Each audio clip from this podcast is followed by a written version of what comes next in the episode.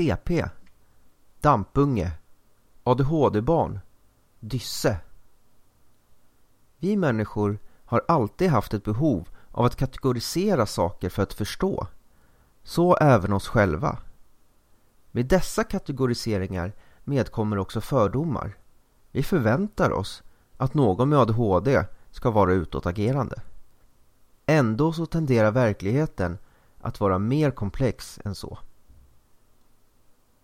På 90-talet gjorde några kommunpolitiker en upptäckt när man var på studiebesök i Kanada. Man fick se en verksamhet där olika elever i symbios studerade tillsammans oavsett behov och förutsättningar. Det var inte alls som de dyra lösningar man själv hade ordnat här hemma i Sverige med resursklasser och extra personal. I Kanada så skördade man frukten från det inkluderingsträd man hade planterat under flera år så varsamt skött om. Frukter som kommunpolitikerna nu såg på med hungriga ögon. Det här skulle komma att förändra allt för den svenska skolan. Man kallade det för inkludering.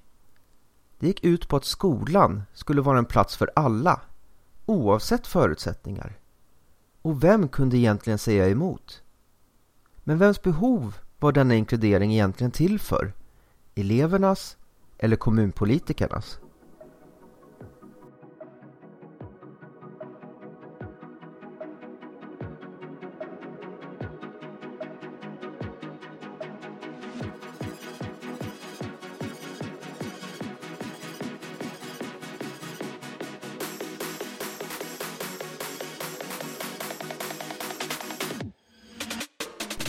Du lyssnar på Välfärdspodden med Alexander Skytte och Linnea Lindqvist. I det här avsnittet ska vi prata om barnen som glömdes bort i skolan.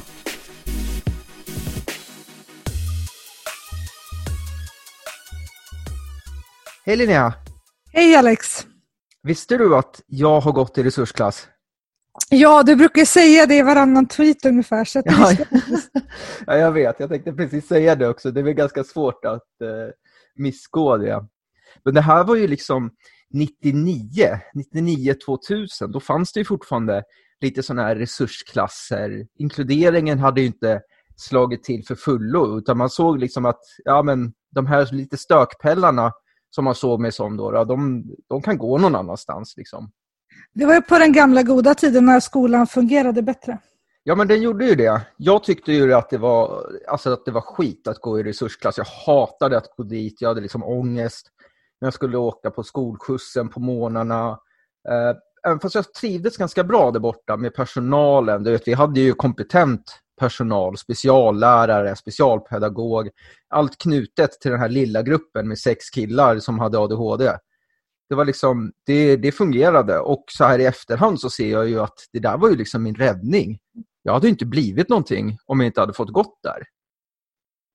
Och då höll den här verksamheten på att avvecklas. Liksom den där skolan finns ju inte kvar längre, den här lilla gruppen. Nej, det är alldeles för dyrt. Alltså, tyvärr är det ju så att man lägger ner resursskolor, olika alltså SU-grupper. De läggs ju ner för inkluderingstanken. Och Det var ju därför vi frågade det här i början av den här podden. Vem är den här inkluderingen till för egentligen? Är den till för eleven eller är den till för eh, de som lägger budget? Jag tycker man behöver fråga sig vem skolan är till för. Är det, är det, alltså vem, vilka ska styra skolan? Är det budgeten eller skollagen? Ja, vad ska gå först där? Och där har ju vi säkert en ganska tydlig uppfattning om vad vi tycker. Och eh, i grunden så, eh, som jag sa i början, liksom, vem kan vara emot inkludering egentligen? Det är en jättefin tanke. Men när den styrs ur, ur ett ekonomiskt perspektiv, då blir det ju bara en utopi. Precis, och de som får sin skolgång raserad är ju eleverna och deras familjer. Och det blir extremt dyrt för att inte, om man inte bara vill prata om de liv som går till spillo så kostar det samhället jättemycket pengar. Så om det kanske vi ska prata lite. Precis, därför har vi bjudit hit Young Millington. Ja, hej. Hej. Vill du berätta lite vem du är? Ja, och vad du gör. I ja. vilken roll har du i det här?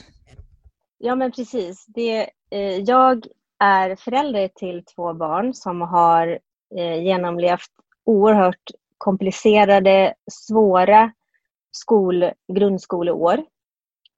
Eh, jag har en son och en dotter och sonen fyller snart 20 och min dotter är 16 och har precis sluppit grundskolan. Eh, det är hemskt att säga så men det har inte fungerat så bra för dem. Och 2013 var jag en av de föräldrarna som drog igång föräldranätverket Barn i behov som är egentligen bara en löst sammansatt nätverk av föräldrar mest till eh, barn som har stora svårigheter i skolan på grund av neuropsykiatriska funktionsnedsättningar som ADHD, autism, Asperger, dyslexi, dyskalkyli och så. Och med det har jag kämpat och det har också gjort att jag under en kort period eh, jobbade som eh, heltidspolitiker och försökte förändra inifrån. Eh, jag har också skrivit mycket debattartiklar och varit väldigt aktiv liksom, i opinionen och så för att jag är utbildad kommunikatör och journalist så det är liksom min hemmaarena vanligtvis. Ja, du har ett fantastiskt driv, Jan, det måste jag ju säga. Du... Ja, det är ju sådär att jag känner att man har inte tid. Alltså vi har inte tid att hålla på och larva oss utan nu brinner det och vi har, vi har redan förlorat en hel generation barn. Och vi är på god väg att förlora ännu fler generationer. Så vi måste ta tag i det här nu. Ja, vi, allting, visst är det allting frustrerande? Hänger ihop, tänker jag. Ja, precis. Och allting hänger ihop, tänker jag. Alltså en dålig skolgång, en dålig skola resulterar i ungdomar som faller ur. Ungdomar som faller ur skolan hamnar ju någon annanstans. I värsta fall i kriminalitet. Eh, vi ser ökad kriminalitet i samhället, i alla fall eh, pratas det mer om kriminalitet och, och dödligt våld. Så det är liksom en spiral som pågår. Eh, och lösningen kan ju inte vara att göra ännu mer av det som inte fungerar. Så som jag tycker att debatten och samtalet förs nu så handlar det väldigt mycket om att vi ska göra ännu mer av det som har varit jättedåligt. Ja, precis. Så tolkar liksom jag det också. Och det som är synd i det hela, eh, det är just att där man behöver lägga insatserna, alltså tidigt, där ser du ju inte vinsten. Du såg ju inte, liksom, du skördar ju inte frukten från skolan, utan det gör du ju i samhället senare. När du inte behöver ha de här polisiära åtgärderna och så vidare för att du har hela medborgare. Du behöver inte ha eh, så många platser på psykiatrin och så vidare för att du har inte gjort dem trasiga, de här barnen, helt enkelt. Så det är det som är så synd när man bara mäter med sina siffror och har sig så att säga, med, med budget och så, att eh, det får inte kosta då. Då ska man försöka spara in pengar och då blir det liksom, alltså det blir ju bara ett haveri och man försöker hela tiden släcka små bränder. Känner du igen det eller? Ja men absolut. Alltså skolan är ju kanske ofta den budgetpost som kostar allra mest för en kommun. Det är en väldigt stor utgiftspost och därför så blir det också väldigt frestande att spara på skolan för att det slår väldigt bra då i kommunens hela budget. Så lyckas man spara skolan då lyckas man ofta spara eh, väldigt mycket i kommunen i stort. Eh, men jag tycker att det är helt fel att, att det är kommunala budgetar som styr skolan för att så som skollagen är utformad och som vår grundlag är utformad, tack och lov, så är det skolplikt. Eh, och det innebär att skoluppdraget är ingenting som man gör för att vara snäll i en kommun. Och man erbjuder inte skola för att vara trevlig mot, mot barnen som bor i kommunen, utan det där är en verksamhet som man är ålagd eh, och den är väldigt hårt reglerad. Och det gör också att om man är tvungen att gå i skolan, om det är, om det är plikt på att gå i skolan och man är ett litet barn, då är man oerhört beroende av att den skolan inte gör en sjuk förstås, utan då skapar den här som det står så fint i läroplaner och, och skollagen, att man ska skapa individer som är eh, självständiga och utvecklar sin fulla potential, eh, som ser sina möjligheter och ska bidra till samhället. Men för att nå dit så, så måste man ju då ge barnen det som de behöver och då kan man inte hålla på och spara in eh, på elever så som man håller på med nu. Och som Eh, som jag tänker är överlag när det gäller att spara in pengar, så sparar man ju där, där det är bekvämast. Eh, ja, det låter så cyniskt, jag ska säga att det är väl inte bara det, men, men det blir, resultatet blir ofta att de medborgare som skriker väldigt högt och som väldigt mycket egna resurser, de får också igenom sina krav eller eh, ja, men får det bättre för att de kan stå upp för sina rättigheter. Och det tycker jag att man ska göra såklart. Det är inget fel i att göra det. Men det gör också att samhället blir väldigt ojämlikt. För de som inte har de resurserna eller möjligheterna eller den förmågan, de, de får ju ingenting då. Och det är väldigt diffust det här med vad, vad det innebär med att vara en elev med särskilda behov.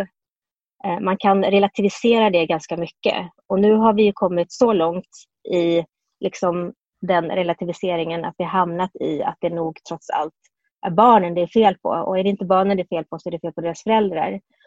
Eh, och då har man liksom fråntagit sig både ansvar och möjlighet att göra något åt det. För man kan inte ändra på barn och deras föräldrar. Utan det man kan göra är ju att ändra på det man har själv. Alltså skolan och de resurserna som finns där i form av eh, ekonomiska förutsättningar och personella och kompetensmässiga förutsättningar. Ja, precis. Du är inne på väldigt viktiga grejer här. Fler viktiga punkter eh, som jag ser. Alltså dels så handlar det om det här som vi har varit inne på tidigare. Du måste vara stark för att våga be om hjälp. Alltså någon som är svag har svårt att be om hjälp. Och det handlar ju om det här om vem som skriker högst. Den som skriker högst är den munnen vi mättar.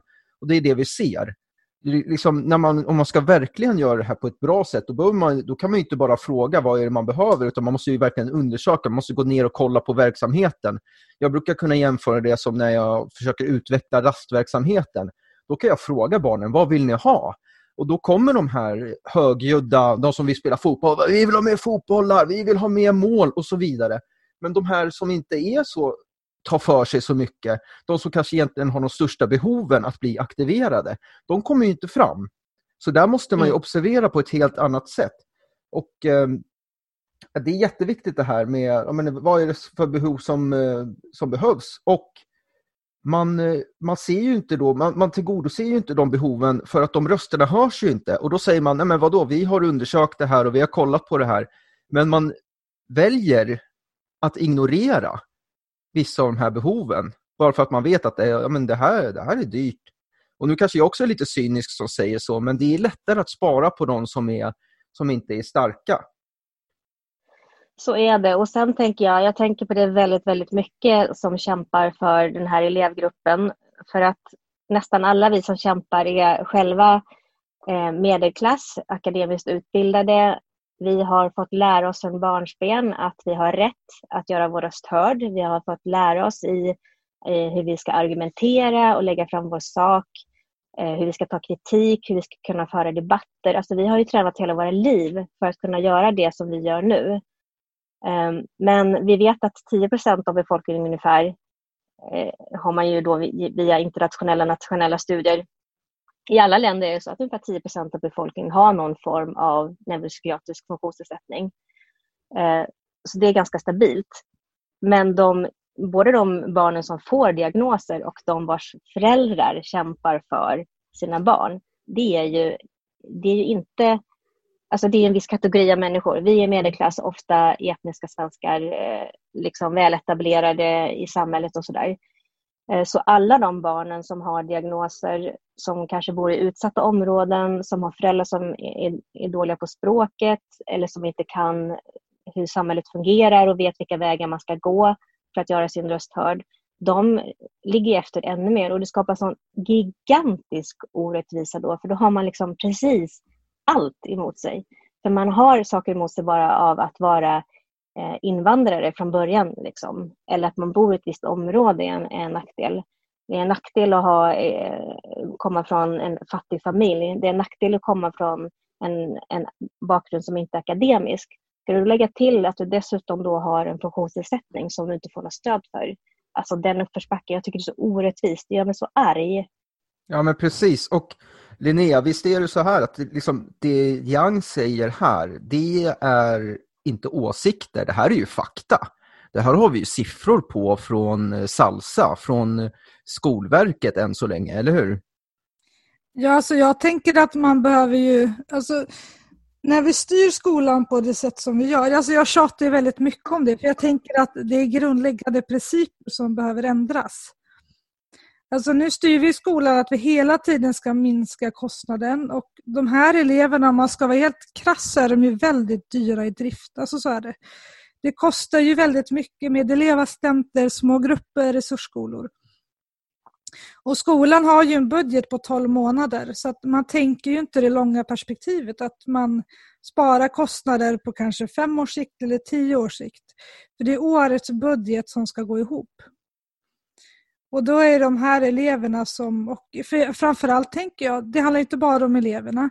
Det handlar ju också om lärarna. Alltså vi ställer ju omänskliga krav på lärarna när de ska hantera en klass men kanske på gymnasiet har det över 30 elever. Men på, i, i grundskolan kanske ligger mellan 25 och 30.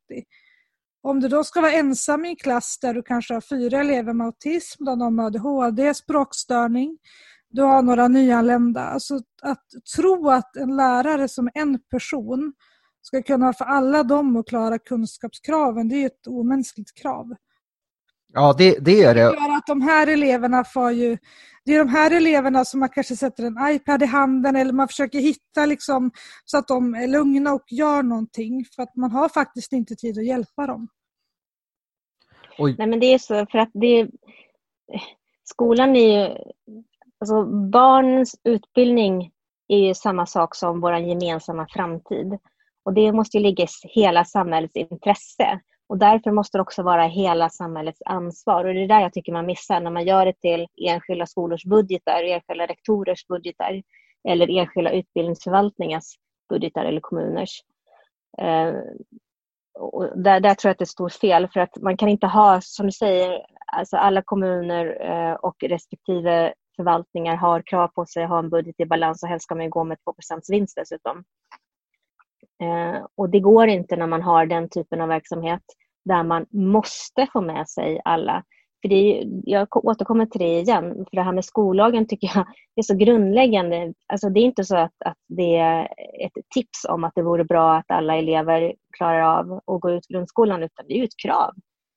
Eh, alltså det är ett jättekonstigt system vi har där vi har så många som kan få F i slutbetyg. Då har ju, alltså det, är, det är ju inte ett misslyckande för eleven, det är ett misslyckande för vårt skolsystem att vi har så många elever som ska gå en grundläggande samhällsutbildning för att bli eh, medborgare som kan bidra till samhället. Och sen så sätter vi eh, ett under, en underkänsstämpel på dem när de är 16.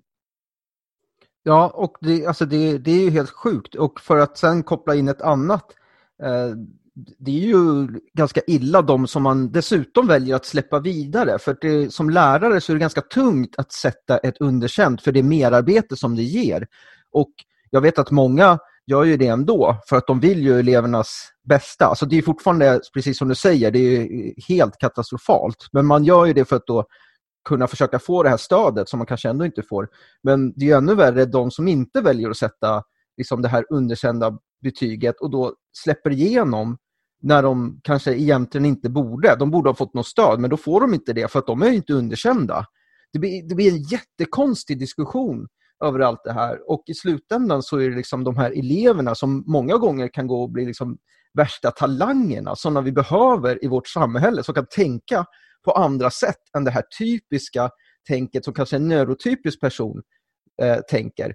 Sådana som vi behöver för att liksom utveckla samhället på ett bra sätt de, liksom, de går i väggen, hamnar i beroende eller något sånt där bara för att skolan inte tillgodosåg de behoven som ändå kan vara ganska basalt att göra.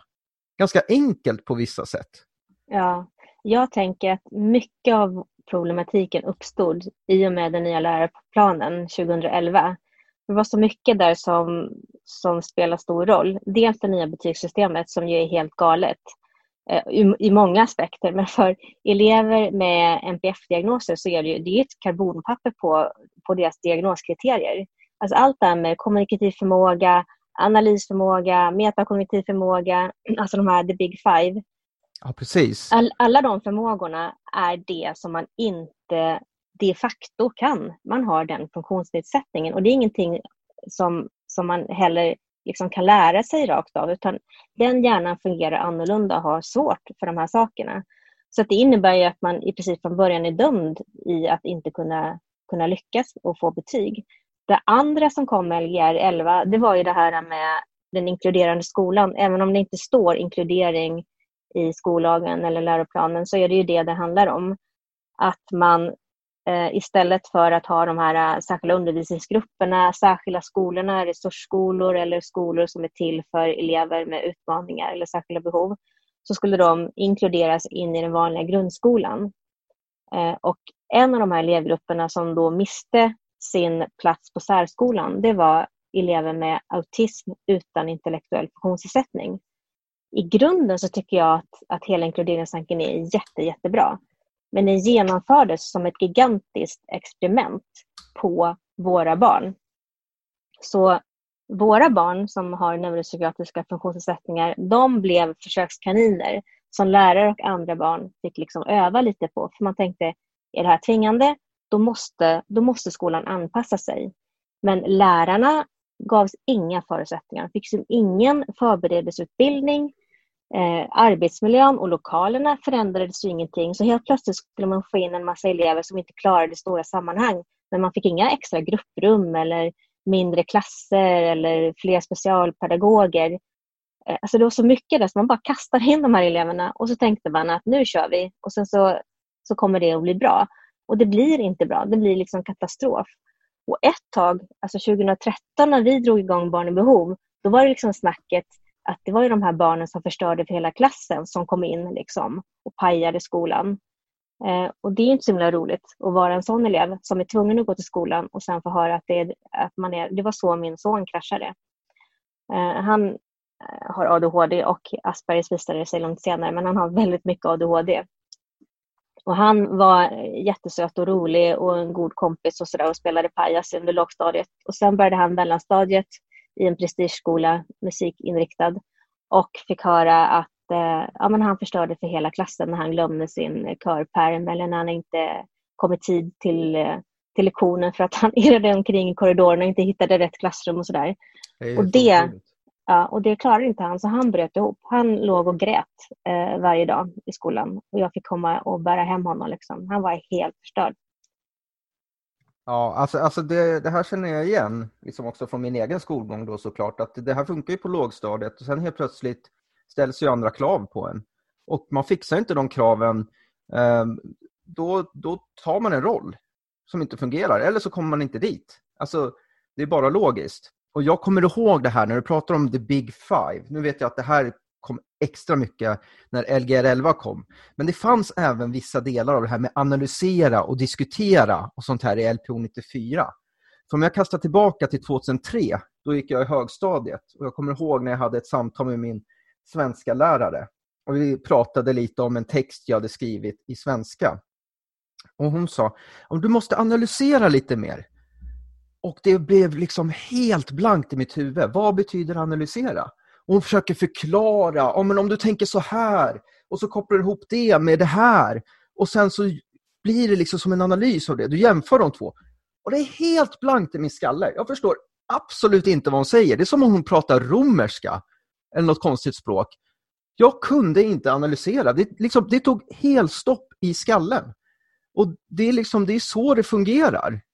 Uh, och det, det, var så jag fungerade där. Och då ska jag liksom påverk, min skolgång blir påverkad av det här, av att jag inte har den förmågan att kunna analysera. Och Det gör att jag kan inte få ett högt betyg i skolan. Och nu när det här the big five återfinns ända ner till liksom E-kriterier, ja men då kanske du inte ens blir godkänd. Nej, men precis. Och vi ser det också. Autism, Autism och Aspergers förbundet, de genomför ju skolenkäter och eh, nu den senaste eh, som de har hintat om här, nu är, det nu är vi nästan uppe i två tredjedelar av deras eh, barn, alltså barn och eh, ungdomar som har autism eller Aspergers syndrom utan intellektuell funktionsnedsättning. Eh, vi, börjar, vi börjar närma oss två tredjedelar som inte når gymnasiebehörighet. Och då ska vi veta att redan 2018 när deras förra enkät kom Eh, då var det 44 procent som inte klarade det. Det var alltså mindre än hälften och redan då så, så var ju det en katastrof. Men på de här två åren har det alltså eskalerat något fruktansvärt. Och det, det, är det här som gör mig så frustrerad. För vi sitter och skriker om det här. Vi är ute och demonstrerar, vi skriver debattartiklar, vi försöker träffa ministrar och politiker och förklara det absurda i att det här tillåts ske. Och det är ingen som bryr sig. Tvärtom så fortsätter man och slår ut de här elevgrupperna ännu, i ännu raskare takt. Som om att man liksom bara låtsas som att de inte finns. Jag tycker att det är helt, det är helt oerhört. Ja, men, Attention, ja, Attention gjorde en skolenkät förra året eh, där de frågade föräldrar till elever som just har problematisk skolfrånvaro och blir hemmasittare. Och det var ett jättestarkt gensvar, så det var över 2000 personer som svarade. Och då ställde de bland annat frågan om, om föräldrarna upplevde att skolan hade gjort någonting för att få tillbaka deras barn till skolan. Vet ni hur många det var som svarade ja på det? Nej. Inte ens 2 procent. Det är helt sjukt. Men, men jag, kan, jag kan verkligen tänka på det här eftersom att jag ser det från två olika perspektiv. För jag ser det både som lärar-Alex och sen ser jag det som liksom, ja, autist-Alex också. Jag som har gått igenom den här skolan också. Och Det är väldigt intressant det här kan jag tycka, när de här perspektiven krockar. För ibland när jag undervisar, och man befinner sig mitt i den här undervisningssituationen, och så kanske man har någon som eh, liksom får ett utbrott eller de, de, liksom, de kan inte sitta still på en samling, whatever. Det kan vara lite vad som helst. Och sen sker det lite eh, Eh, här och var. Alltså jag blir ju, man blir ju frustrerad. Man blir ju frustrerad för att det inte funkar. Och det är så lätt att tänka på varför kan inte bara den här ungen sköta sig? När det egentligen är något helt annat det handlar om. Och Jag tror att det här eh, sätter liksom fingret på vad som är själva problematiken. Man har ett perspektiv som man ser på det här på. Man placerar problemet hos det här barnet som liksom eh, inte klarar av sammanhanget. Och istället för att se då till vad man kan göra. Och eh, det är där man lägger fokus. Hur ska vi få den här Alex att sköta sig på lektionen? Istället för att kolla på ja, men hur ska vi få det här sammanhanget att fungera? För det är så låst. Det är så ekonomiskt låst. Vi vet, vi får inga fler resurser. Vi kan inte ändra på det här. Det finns så begränsade sätt att ändra på. Så då hamnar problemet hos barnet. Ja, och det är väldigt svårt att vara empatisk också om man inte har kunskap eller kompetens kring hur det här barnet fungerar. Och därför så blir det också en blandning med att, att alltså om man som lärare eh, både saknar kunskap för att man inte har fått det i sin utbildning och man inte har möjlighet att fortbilda sig. Och man också saknar ekonomiska resurser och stöd från ledning och förvaltning, då hamnar man i en situation som är helt omöjlig. Alltså jag är väldigt... Jag tycker att det är ett svårt dilemma man hamnar i. För att jag tror att skolan skulle kunna göra mycket mer än man gör idag. Eh, det handlar om att man behöver, man behöver eh, jag vill, ah, det är så svårt att prata om det här utan att man anklagar lärare. Och jag vill verkligen inte göra det för jag vet att lärare kämpar något fruktansvärt mycket och vill alla våra barns bästa. Men det handlar också om att innan vi hade den nya läroplanen och vi, och vi hade de här särskilda undervisningsformerna för elever med särskilda behov, då var ju inte det ordinarie lärares ansvar att lotsa dem igenom skolan. Utan de skickades iväg någon annanstans. Och det, den attityden och det tänket lever ju fortfarande kvar. För hur ska det kunna förändras när lärarkåren inte har fått kompetensutveckling eller kunskap om det här området? Så man, man måste ju också... Liksom det är en del. Så att jag förstår mycket väl det här med att man inte vill ta bort eleverna nu från den vanliga undervisningssituationen för att man också måste kompetenshöja den ordinarie skolan så att säga. För om man bara skickar iväg de här eleverna då finns ju inte kompetensen där. Och då blir det ju färre och färre elever som man klarar av att ta hand om till slut. För att man aldrig behöver utmanas i att, att förstå den här elevgruppen. Samtidigt så kan vi inte ha en skola där de här eleverna far illa och blir jättesjuka och inte klarar av att gå till skolan. Så jag tycker att det, inte, alltså det är inte ett helt lätt dilemma det är ett etiskt dilemma och det är svårt att veta var, var ska man dra den här linjen någonstans, för det är det man ofta vill göra. Man vill ju dra en sån här gräns. Och tidigare, eh, när jag fick min diagnos där vid 99, då var det så här, då räckte det med en diagnos, sen, var det, sen skickades man iväg jag var den enda som hade ADHD på min skola och då blev det liksom, det blev en resursgrupp. Så på ett sätt var det tydligt, men det var inte så att alla behövde det och det kunde ju direkt bli skadligt. Man tänkte inte på de här nyanserna då överhuvudtaget. Och det är väl det som är lite problemet med det här. Det är svårt att få till de här nyanserna och det, liksom, det är inte en lätt fråga. Och som du säger, det blir så lätt anklagande. Ja, men de här föräldrarna till de här barnen, deras närmsta väg det är att gå till läraren.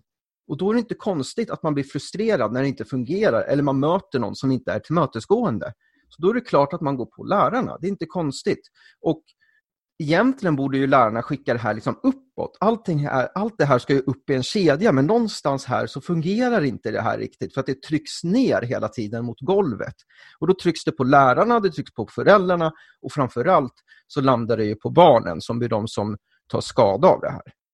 Precis, det är exakt så det går till. Man trycker ansvaret neråt hela tiden till de som till slut inte har möjlighet att, att säga ifrån. Jag tänker på två saker som du sa, Jan. Bland, bland annat hur det har blivit värre sedan 2018. Och det är ganska intressant när man läser budgetar och hur mycket nedskärningar som har skett sedan just 2018. Jag tänker ja, man blir ju förtvivlad. Jag tänker ja, det... att det hänger och det kommer ju tyvärr inte bli, bli bättre de kommande tre, fyra åren. Det kommer bli värre. Så att vi kommer ju ha en majoritet av de här eleverna som inte klarar skolan inom tre år. Tyvärr. Om, det inte, om vi inte liksom verkligen får en opinion och förändrar styrningen av skolan. Ja, alltså vi har redan idag en majoritet av de här eleverna som inte klarar skolan. Och jag tycker det i sig är en sån grav diskriminering att, att vi tillåter en hel elevgrupp att misslyckas, massmisslyckas på det här sättet. Jag tänker också, jag som har jobbat i förortsskolor i 15 år, eller både förskolor och skolor, just det här att när våra elever har neuropsykiatriska funktionsnedsättningar så har de ju, även många bor väldigt, väldigt trångbott. De har svårt med sömnen för att man kanske sover 8-10 barn i ett rum. Eh, man har även inte språket och föräldrarna har inte samma kompetens som ett socioekonomiskt starkt område. Så att de barnen drabbas ju på så många olika sätt. Inte bara deras egna funktionsnedsättning utan även att de växer upp i ett socioekonomiskt svagt område. Påverkar ja, dem trippelt eh, de, våra elever i, i våra skolor. Ja, precis, verkligen. Och jag tänker också eh, att det som har hänt väldigt mycket i skoldebatten och som jag vänder mig väldigt mycket emot, det är ju att vi som är längst ner, det vill säga elever, föräldrar och lärare, det är vi som står och bråkar mot varandra. Och då kan de andra bara lugnt stå och titta på och skrocka lite liksom, över det.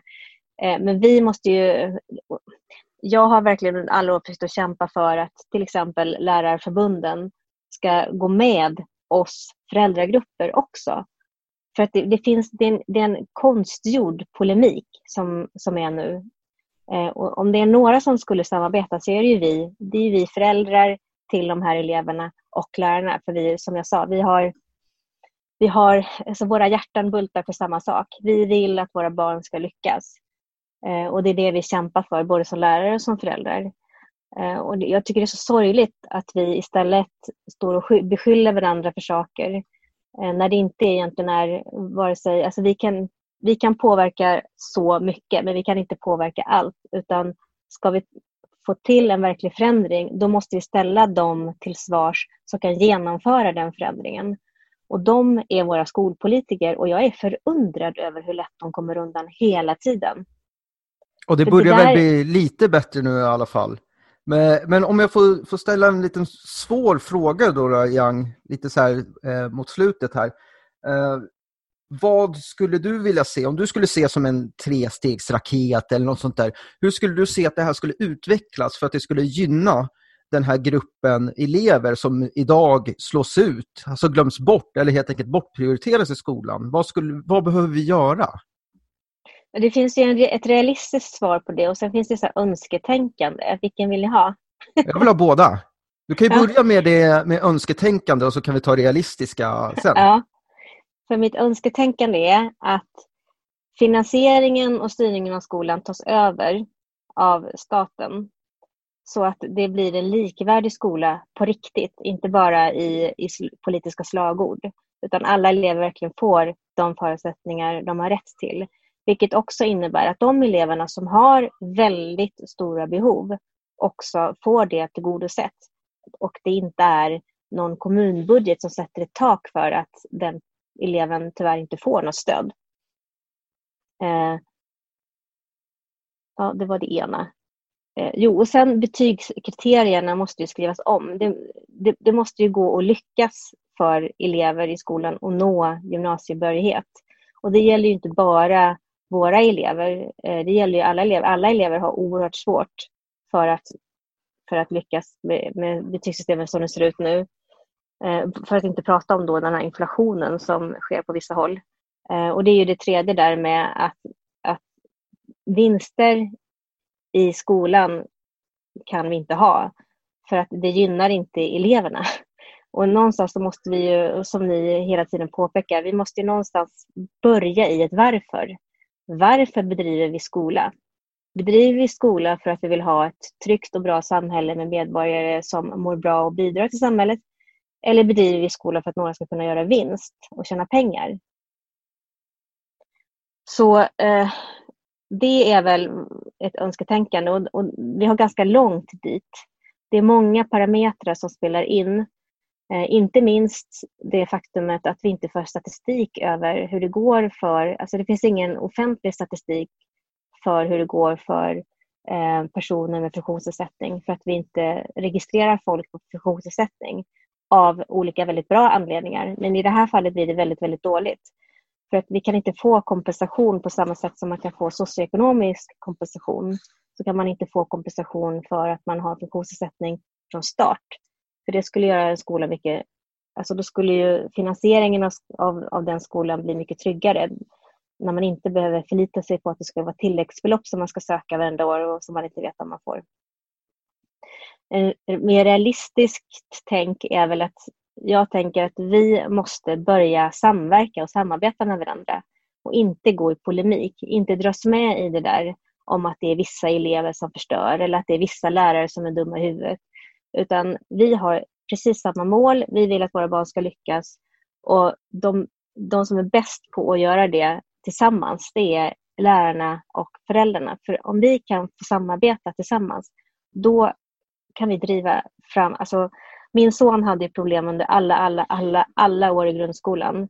Trots att han är särbegåvad och trots att han var otroligt studiemotiverad. Han höll på att kämpa och fick knappt några betyg. Sen det tolfte grundskoleåret, då hamnar han på en skola eh, med, med personal som, som äntligen förstår vad det är han har svårt med. Och så bara racear han. På, på en termin så racear han ihop nio betyg. Eh, och, och, det var ett samarbete som vi hade eh, mellan hem och skola då. Jag stöttade honom allt jag kunde hemifrån och skolan gjorde allt för honom i skolan. Och Det var ett sånt fantastiskt fint samarbete. Och Det nästan första gången jag fick uppleva det. För jag, Det är så ofta så att man hamnar i, i en schism med skolan. Att man blir beskylld för saker och att man skyller tillbaka liksom, på att inte de gör det som de ska. Och så hamnar man i en situation där det blir någon slags prestige och en kamp. Ja, som slutar att, det slutar att handla om barnet. Så börjar det handla om alltså vem som inte vill förlora ansiktet eller vem som är arg på vem istället. Om jag utvecklar liksom ditt resonemang där, vi, vi behöver den här trefaldigheten. Liksom. Vi behöver läraren, eleven och föräldern. Liksom. Det är de här tre som liksom ska stå starka tillsammans. Men tack så jättemycket Yang för att du har varit med oss och eh, pratat om eh, de här barnen som vi absolut måste jobba hårdare för att de ska få en naturlig plats i grundskolan. Ja, men tack för att jag fick vara med. Jag tycker att det är en jättebra podd, väldigt intressant och fin och bra och viktig. Jag tror också, för att avsluta, att samarbete är verkligen A och O. Det är verkligen så vi kan driva en opinion och få tryck underifrån också, tänker jag. Ja, gå, till, gå tillsammans, vi som eh, är på golvet, vi som ser barnet, vi som jobbar i verksamheten. Och vi måste vara medvetna om att vi kommer få mycket tryck uppifrån som vill behålla ett system som vi har idag för att det ses som billigast ekonomiskt. Men vi måste stå upp liksom för den verksamheten vi har.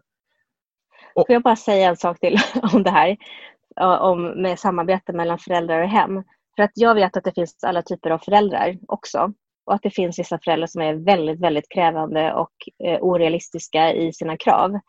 Eh, men jag tänker att man måste se skillnad på vad det är för typ av elever man har att göra med. För när det gäller elever som har funktionsnedsättningar som är svåra och som inte är så tydliga. Man förstår inte. Om det är någon som sitter i rullstol så fattar man okej, okay, den personen har svårt att gå. Eh, men om det är en person som det inte syns eh, har uppmärksamhetsstörning eller någonting eh, och väldigt, väldigt lätt hamnar i affekt och stora utbrott, då förstår man inte lika lätt vad man ska göra. Och, och I en sån situation så är föräldrarna jätteviktiga. För att föräldrarna har redan levt sex år med, den här, med det här barnet och gått på alla nitar och kan hjälpa till och göra överföringen. Liksom. Så med så andra det, ord, prata med varandra. Ja, det är liksom det det handlar om, och lyssna. Prata, lyssna. Tack så mycket Yang för att du var med. Ja, tack själv.